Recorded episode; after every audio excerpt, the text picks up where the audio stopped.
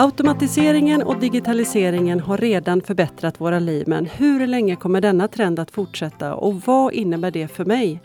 Kommer robotik och artificiell intelligens att bli en lika stor fluga som internet blev? Hur ska företagen rusta sig för den nya framtiden och hur ska jag rusta mig själv för att orka ta in alla de möjligheter som den nya tekniken öppnar? Detta är en podd om det spännande skede vi står inför och hur du som företagsledare, medarbetare eller människa i största allmänhet kan tänka och göra. Jag heter Anna-Karin Öjerskog. Välkommen till AX-podden.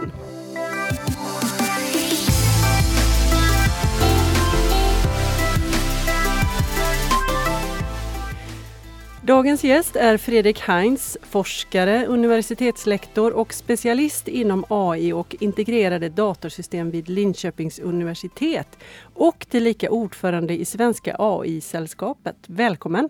Tack så mycket! Jag är väldigt nyfiken. Berätta, vad gör AI-sällskapet? Ja, vi är en ideell organisation, intresseorganisation för AI-forskare och utvecklare i Sverige. Eh, som har funnits sedan 1982, så funnits i mer än 35 år nu. Eh, och det vi gör är framförallt eh, kunskapsspridning kring, kring AI, eh, både internt och externt. Så vi delar till exempel ut ett årligt exjobbspris till bästa examensarbetet inom AI. Vi ordnar eh, konferenser, både nationella och internationella. Så i år ska vi ordna den största internationella AI-konferensen inom AI, precis, eh, International Joint Conference on AI, som går i sommar i Stockholm. Spännande. Men det betyder att ni fattar ju grejer med AI för 30 år sedan och vi andra vi tror fortfarande att vi står inför den stora revolutionen. Vad var det ni såg som inte vi fattade? Man kan väl säga att AI, alltså det har funnits ett antal AI somrar och ett antal AI-vintrar om man säger så. Liksom just att intresse för AI har ju varit stort flera gånger tidigare. man kan säga att det här kanske är tredje, tredje vågen. Eh, så att för vår del så är det ju konstant arbete att hela tiden förbättra teknikerna och bedriva forskning på området. Eh, sen så varierar liksom det allmänna intresset. Mm. Du beskriver det här som, som vågor, att vi nu är mm. i den tredje vågen. Mm. Alltså, vad fyller du den tredje vågen med? Vad är vi just nu i vad det gäller AI? Kan du beskriva den stora bilden inledningsvis? Jag tror det handlar väldigt mycket om att det kommit ett antal väldigt imponerande, uppseendeväckande resultat eller uppvisningar, till exempel det här med AlphaGos eh, vinst i eh, Go.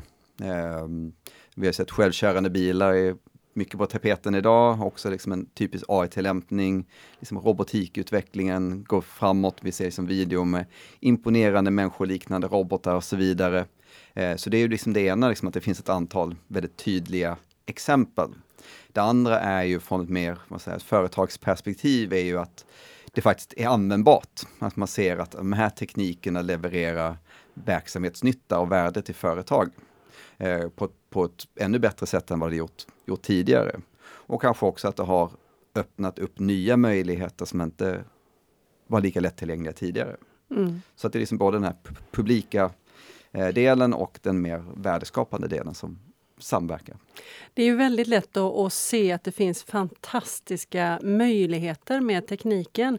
Men om, om du skulle få förmånen att koka ner det här till den, den stora nyttan för mänskligheten med AI, vad är det då? Alltså egentligen handlar det väldigt mycket om det här att kunna automatisera saker som tidigare inte gick att automatisera. Saker som, som vi människor kanske är mindre bra på, att liksom kunna hantera väldigt stora datamängder, hitta komplexa mönster, hitta eh, samband som, som vi har svårt att se. Eh, att, och hjälpa till med det. Och egentligen så handlar det väldigt mycket om att kunna stötta vår, vår förmåga att fatta bra beslut eh, och eh, välavvägda beslut och helt enkelt hjälpa oss på olika sätt. Diskussionerna går ju höga ibland kring det här med eh, AI eller människan. Eh, vem vinner matchen? Mm. Jag föredrar ju att säga att det är varken, inte antingen eller utan både och. Eh, och jag brukar använda exemplet just med, med schack, där schack är ett sådant exempel där vi människor inte har haft en chans mot datan de senaste 20 åren sedan Garry Kasparov förlorade mot Deep Blue 1997.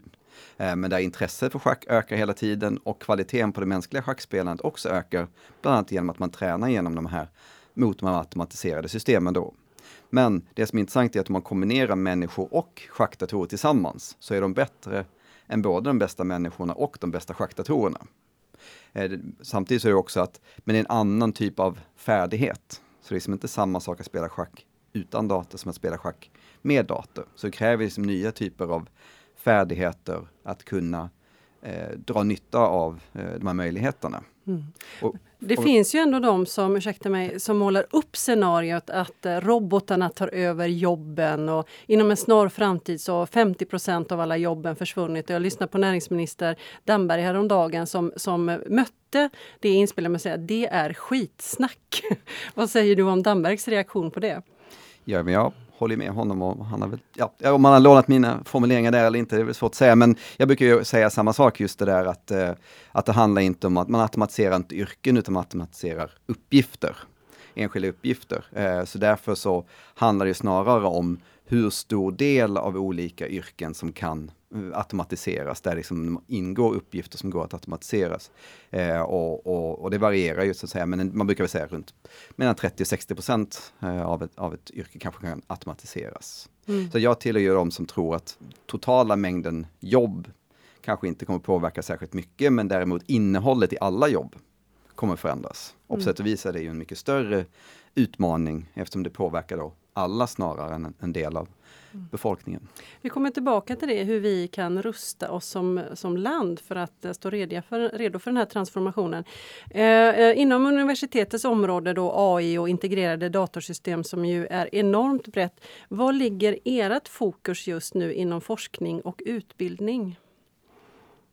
Alltså vi, det finns ju liksom forskning och utbildning på hela det här breda området. Eh, eh, om man tar vår egen verksamhet så har vi jobbat mycket med obemannat flyg, eh, liksom att få i vårt fall helikoptrar, att kunna flyga själva, fatta egna beslut och kunna utföra uppdrag tillsammans med människor. Eh, bland annat har vi haft ett stort EU-projekt där man skulle hjälpa till i eh, bland annat alpina räddningsscenarier, som man skulle hjälpa eh, alpina räddningstjänsten till exempel vid en lavinolycka att snabbt kunna lokalisera och hitta om det finns till skidåkare som har blivit begravda i snön så att eh, räddningsarbetarna snabbt kan gräva ut dem. Eh, sen så jobbar vi mycket med också Eh, om man ser liksom en annan karaktärisering av den här tredje vågen, just att det handlar väldigt mycket om maskininlärning.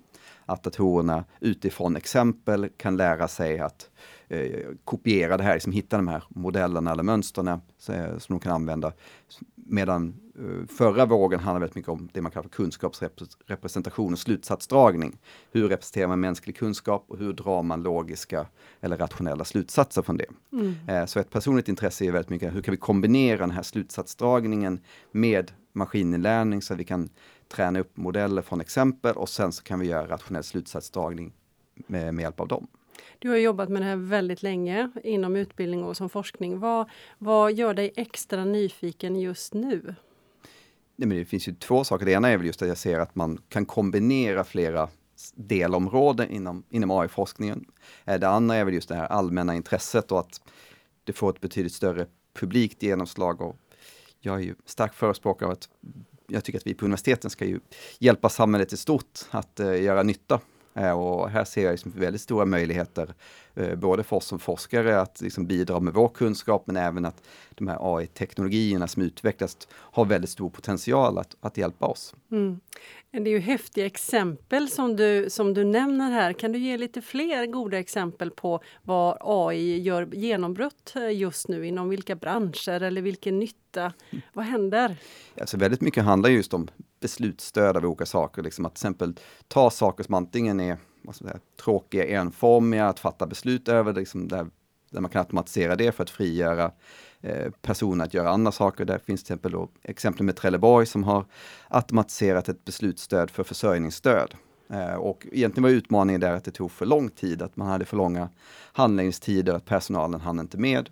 Eh, och just att, att avgöra om någon uppfyller ett visst antal kriterier är förhållandevis förhållandevis enkelt eh, och därför kunde man då automatisera det och så frigjorde man de här socialarbetarna till att snarare kunna hjälpa klienterna att antingen uppnå kriterierna för att man skulle kunna få försörjningsstöd eller komma tillbaks till, till arbete, eller hur man nu kunde stötta dem. Mm. Eh, och, men vi ser ju samma sak även i sjukvård till exempel. Eh, 1177 diskuterar ju liksom att hur kan vi eh, automatisera delar av vårdrådgivningen på ett sådant sätt så att vi kan liksom matematiskt hantera de enkla, stora volymfallen och så kan eh, sjukvårdspersonalen koncentrera sig på det som är lite mer komplicerat. Mm. Eh, vilket då skulle göra att eh, man använder resurserna mer effektivt så att man får vänta kortare i kö för att få, eh, få rådgivning eh, och att du kan då få konsistent och snabb och korrekt rådgivning varje gång. Just det. Jag tänker på andra smarta lösningar. Mm. Vi alla bor ju någonstans och en, en, eh, Sverige förtätas med städerna och det här med samhällsutveckling och fastighetsbranschen är ju utsatt för ett otroligt hårt tryck just nu att hitta smarta lösningar. Eh, vad finns det där som är intressant kring förvaltningen där tekniken på något sätt ligger steget före eh, den gammaldags traditionella förvaltningen? Vad händer där? Ja, det, det händer säkert massor med saker. Det är ju en utmaning att just en, en del av de här teknologierna är sådana som kan vara väldigt långsiktiga och långtgående konsekvenser. Man kan till exempel ta med självkörande bilar eh, som ett sådant exempel. Eh, där eh, om man skulle kunna eh, få helt självkörande bilar och dessutom få det här med man eh, delad eh, ride sharing. Eh, så man har ingen egen bil utan snarare att vi liksom använder färre bilar för att transportera fler människor helt enkelt. Mm. Eh, och då betyder det att vi skulle kunna frigöra massor med parkeringsplatser. Mm. För då behöver inte bilarna stå still utan de används hela tiden. Eh, och idag så är ungefär en, en stad består ungefär 30% av parkeringsyta. Mm. Och det betyder ju att vi skulle kunna frigöra 30% av eh, marken i innerstäder. Och mm. då öppnar vi upp helt nya möjligheter. Skulle det vara möjligt inom boendet också? Vi är alldeles, så kommer det bli alldeles för många människor och bostäderna räcker inte till. Samtidigt har vi väldigt många kvadratmeter. Eller är det, ligger bostaden för nära oss själva? Är det för personligt jämfört med en bil? Ja, men jag ser ju, det har ju varit väldigt mycket diskussioner kring det här med smarta hem och smarta byggnader av olika slag, till exempel att kunna energioptimera så att man minimerar, alltså säga att när du inte är hemma så kan vi sänka eh, temperaturen i vissa rum till exempel eller på sommaren låta den vara högre så att vi inte använder massa energi på att kyla ner tomma lägenheter eller värma upp tomma mm. lägenheter. Eh, det finns ju andra exempel just på att slå av och på vad det är som är ljus och så vidare, just den här energi Minimering är ju ett konkret exempel. Där man redan är framme idag, ganska långt egentligen. Ja, mm. och det är, som, det är sådana saker som är förhållandevis enkla och nära. Men som ändå kan ha stort nytta för miljön och för energin. Vi får väl se vilken dag lediga kvadratmeter i min lägenhet kommer ut på marknaden för den som är bostadslös. Ja, spännande. Men, om man får ta, ta en annan sak, just mm. det här med, ja, men ta, när du sen nämner det, så det här med Airbnb och liknande är ju liksom just att tack vare att man med hjälp av effektiva matchningsalgoritmer som, här, som kan matcha personer som vill hyra en lägenhet eller delar av en lägenhet eller få tillgång till en bil eller en plats i en bil Eh, så öppnar det upp nya marknader, just den här delningstjänster av olika slag. Eh, och, och, att det är ju också intressant just att, och det är ju delvis tack vare någon slags AI-liknande algoritmer då som kan, kan göra den här tilldelningen på ett, på ett effektivt sätt. Du nämnde det här med självkörande bilar och just nu så, så eh, går ju diskussionerna höga kring säkerhetsfaktorn. Där borta i USA kan vi läsa. Och det finns ju en del etiska aspekter att ta hänsyn till eh, i den här digitala transformationen som vi ändå, vi är inne i tredje vågen men det ligger mycket framför oss fortfarande. Vad tänker du kring det? Jag tror det är jätteviktigt. Eh, Sen finns det ju väldigt mycket utmaningar liksom, kring de här etiska frågorna. Liksom, men jag tror liksom en grund, eh, vad säger, en sak som skiljer att liksom få, när det gäller etik och de här typen av automatiserade stöd och till exempel hur vi hanterar med människor. är att för människor så ofta så är det en efteranalys, så att säga att till exempel om, man har, om det händer en bilolycka, ja då gör man utredning. Och så försöker man reda ut, gjorde alla inblandade i olyckan det bästa möjliga utifrån den specifika situationen? Och så kan man komma fram till att ja, även om det var en säga, fatal utgång så kan det vara så att ingen egentligen gjorde fel. Alla gjorde det bästa de kunde utifrån situationen. Medan här, när man har ett automatiserat beslut så måste man ha diskussionen före. Att man, just att det blir en diskussion, men hur ska man hantera massor med konstiga eller oväntade eller extremt osannolika situationer? Och jag tycker det är väldigt spännande för att egentligen tvingar det oss människor att bli mycket tydligare och bli mer explicita vad det gäller våra egna värderingar, våra egna moraliska ställningstaganden och etiskt, etiska ställningstaganden. För det finns ju massa, man kan ju kolla liksom att vanligtvis är de här kulturberoende. Eh, så de varierar ju på olika platser på jorden. Och det blir ju väldigt spännande liksom, om du har till exempel en självkörande bil och så har du personer från olika länder som, som är, stiger in i bilen. Vems moral eller vems etik är det som ska styra? Mm. Eller är det landet du råkar befinna dig i, deras moral och etik som ska styra och sen när du kör, kör över landsgränsen till ett annat land, ja, då blir det nya eh, moraliska regler som bilen ska följa. Eh, och så vidare. Så det är ju väldigt spännande liksom här, vem, vem är det som ska få sätta, vem är det som ska få bestämma vilken moral som ska få gälla i de här automatiserade systemen. Så om jag bollar tillbaka frågan till dig, vem är det som ska få bestämma? Om forskningen skulle få säga sitt? Alltså jag tror, alltså åtminstone vi från ett mer teknikforskningsperspektiv är ju är ju liksom intresserade av att delta i diskussionen men vi anser inte att det är vi som har den största kompetensen på de frågorna utan det finns det ju både liksom samhällsvetare och jurister och filosofer och så vidare som har väldigt bra synpunkter på det och liksom har studerat det här under mm. flera tusen år. Hur väl krokar ni då arm med dem för att få med det här etiska, moraliska och samhällsmässiga, mänskliga eh, perspektivet så att ni går i samma takt med tekniken? det blir fler och fler som är intresserade av det. Och till exempel har vi bland annat ett Vinnova-projekt nu som heter Hållbar AI, eh, som Anna Fällender är eh, projektledare för, där vi samlar just personer från olika bakgrunder för att kunna diskutera de här sakerna med målet också att bygga upp en större verksamhet kopplat till det. Ehm, så att jag vill påstå att det kommer fler och fler, både organisationer och individer som är intresserade av de här frågorna. Man kan även se att på EU-nivå så är det väldigt mycket det som diskuteras, det vi kallar för ja, etiska, legala och sociala och även ekonomiska aspekter eller implikationer av AI. Mm. Eh, och det, man kanske till och med skulle kunna säga att det, det håller på att utvecklas till ett eh, specialområde eller fokusområde just för, för EU, Europa. Att det är vår nisch mm. att, att fokusera på det. Varför blir det så stor grej när en bil kör på en människa? Alltså det händer ju varje dag den här tragiken att vi människor kör på varandra men det blir en enorm diskussion när det är en självkörande bil som gör just samma sak. Varför? Jag tror en viktig aspekt handlar ju väldigt mycket om att argumenten för självkörande bilar handlar om säkerhet. Att ett av syftena med självkörande bilar är att de ska vara mycket, mycket säkrare än vad vi människor är. Eh, och om de då också orsakar olyckor, då har man på sätt och vis misslyckats. Eh, det finns fortfarande problematiken kvar. Det tror jag är det ena. Och, och sen så handlar det väl också om att det är någonting nytt.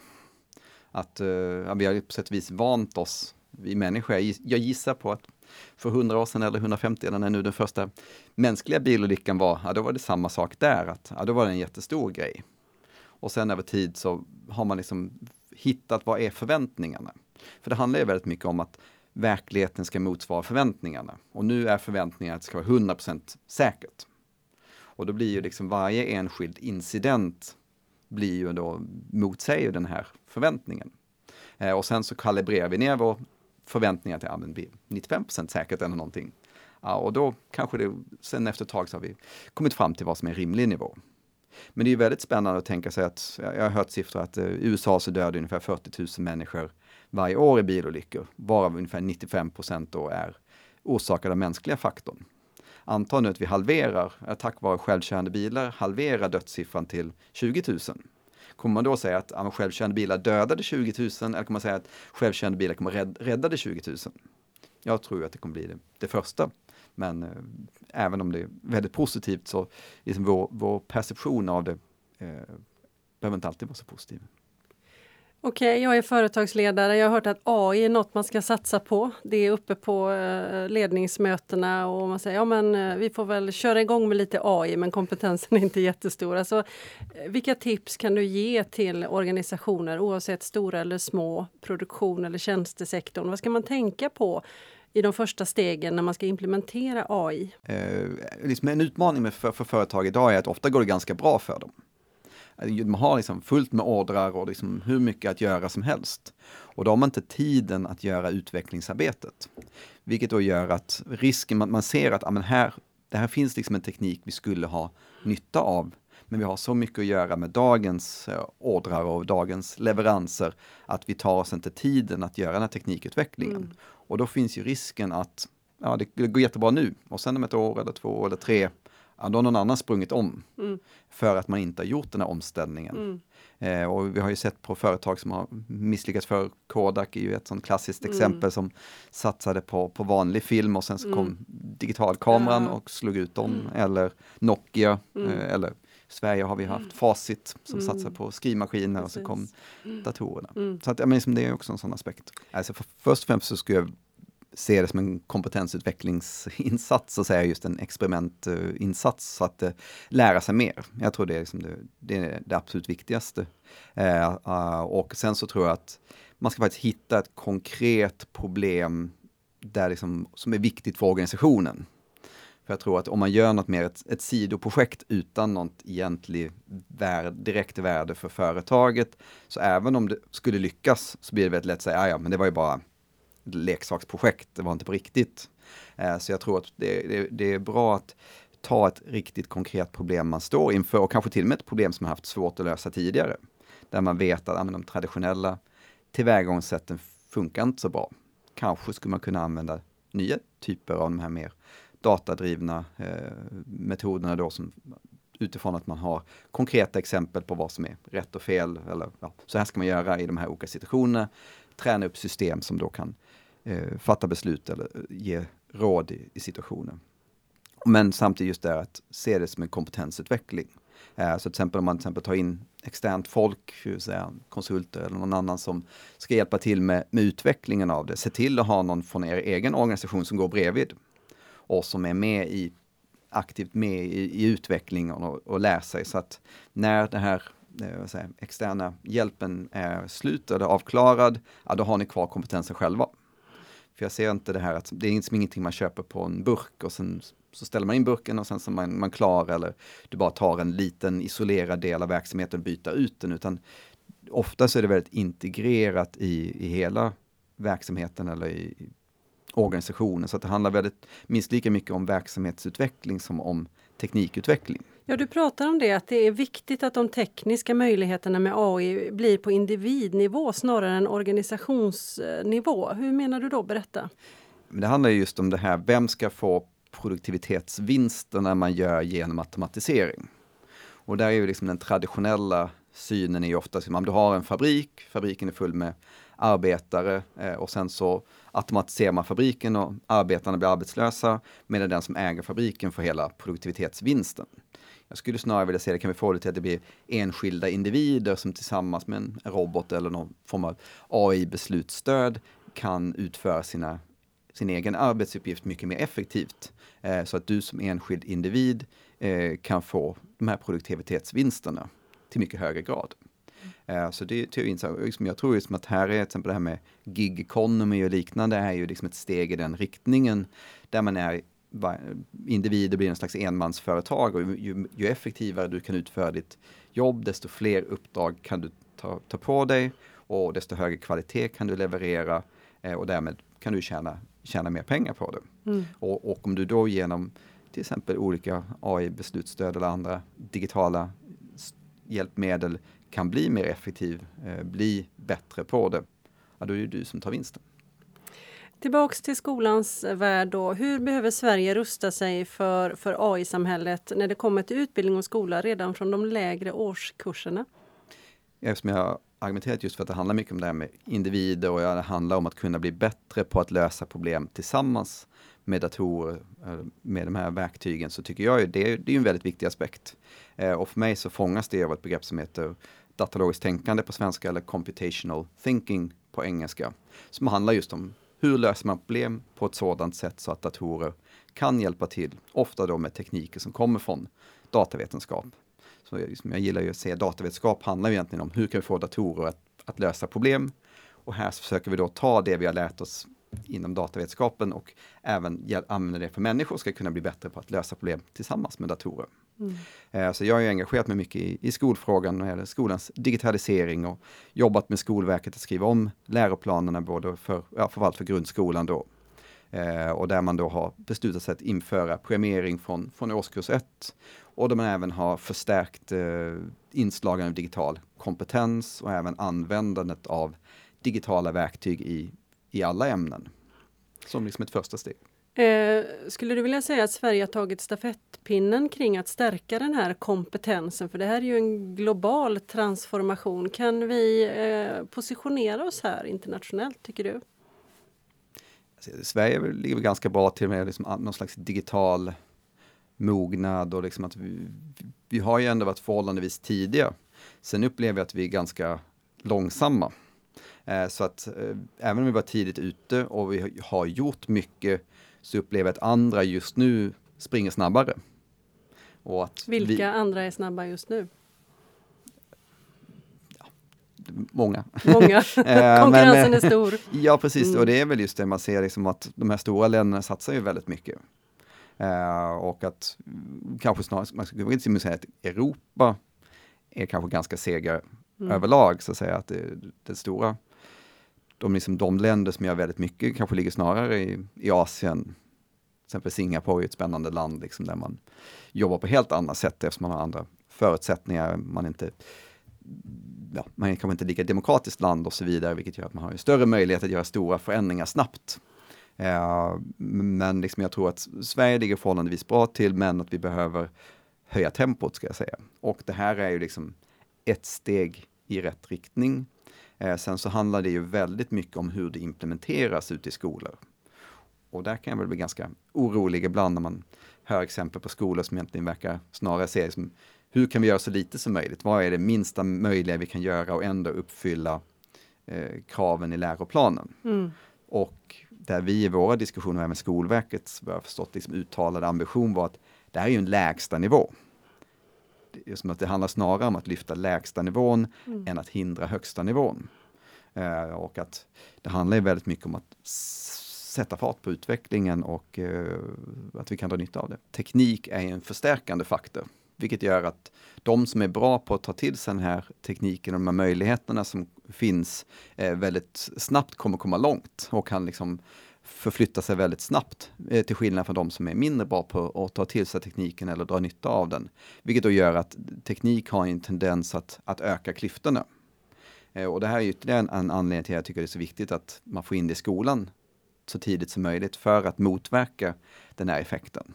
Så att alla lär sig att dra nytta av tekniken eh, så att alla kan, kan röra sig framåt så att säga. Eh, och att vi minskar klyftorna på så sätt. Ytterligare ett aspekt på jag tycker det är viktigt att få in det i skolan är att eh, vi ser ju idag att, att ut, mycket av teknikutvecklingen sker av ja, yngre män, vita män. Eh, och att eh, vi vet ju också att mm, helt, vare sig du vill det eller inte, eh, så kommer de värderingar som eh, utvecklaren har att finnas i den slutgiltiga produkten. För att det hela tiden, du måste hela tiden fatta små beslut. Och de små besluten kommer du, då, kommer du ju fatta utifrån dina värderingar. Vilket då gör att det kommer att finnas kvar i produkten. Och därför är det också viktigt att vi får en mer eh, diversifierad, en mer representativ eh, grupp som utvecklar våra eh, de här systemen som blir allt viktigare för samhället och för individer och för, för företag. Eh, och det är ju ytterligare en anledning till att jag tycker det är viktigt att få in i skolan för att det verkar ju så att de som känner sig mer osäkra, som känner att ja, men jag kan inte det här, de kommer inte våga hoppa på en, säg, en teknisk utbildning eller hoppa på att lära sig det här senare. Det är liksom en större eh, tröskel för dem. Eh, så man genom att ge alla en, en grund, grundläggande förståelse för, för, för datavetenskap, för programmering, för eh, datalogiskt tänkande och digital kompetens, så kan man förhoppningsvis göra det här tröskeln mindre så att fler eh, kan välja att, att börja jobba och utveckla de här systemen så att vi helt enkelt får en mer representativ grupp. Om du skulle få möjligheten avslutningsvis att beskriva den fjärde vågen, vad ligger ännu framför oss? Du får blicka in i framtiden. Vad händer då inom AI? Nej, alltså jag tror, som jag sagt var att en sak som jag tror blir att för det första så tror jag att det kommer komma väldigt mycket mer, alltså det jag ser kortsiktigt är att det kommer bli många specialiserade lösningar. Ja, vi ser idag liksom just att det är specialiserade beslutsstöd på enskilda saker eller liksom eh, datorprogram som är bra på en sak som spelar schack eller Go eller något sånt där. Att de kan det och absolut ingenting annat. Eh, och, och, jag tror liksom den, den säg, mer kortsiktiga utvecklingen blir att vi ser fler och fler av den typen av system. Och eh, sen vid någon tidpunkt kommer folk ledsna och säga att jag vill inte ha ytterligare ett system. Eh, och eh, utvecklingen kan också gå mot att vi kan generalisera eh, och få mer, eh, vad ska du säga, kanske mer människoliknande. Liksom att vi ju, även om vi kanske är extra bra på någon specifik sak så är vi bra på något så är vi oftast bra på en hel del saker runt omkring. Och att det är det man vill kunna göra. Liksom, hur kan man få de här systemen mer generella, mer robusta, eh, kunna hantera större former av förändring och så vidare också. Eh, sen tror jag, tror en annan sak är att det kommer bli mindre och mindre synligt. Så det är också en sån här generell trend vad gäller teknik att från början är den jättesynlig och sen allt eftersom så försvinner den och blir en, en del av vardagen eller en del av ja, det man inte riktigt tänker på.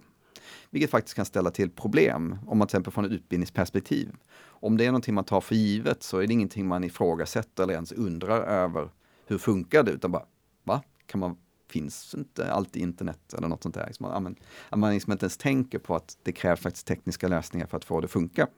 Vilket då kan, kan ställa till det ibland. Men jag, jag tror liksom att både det här att vi går mot mer generella eh, system och att det blir kanske mer osynligt. Tack så mycket Fredrik Heinz för att du gästade AX-podden. Tack så mycket.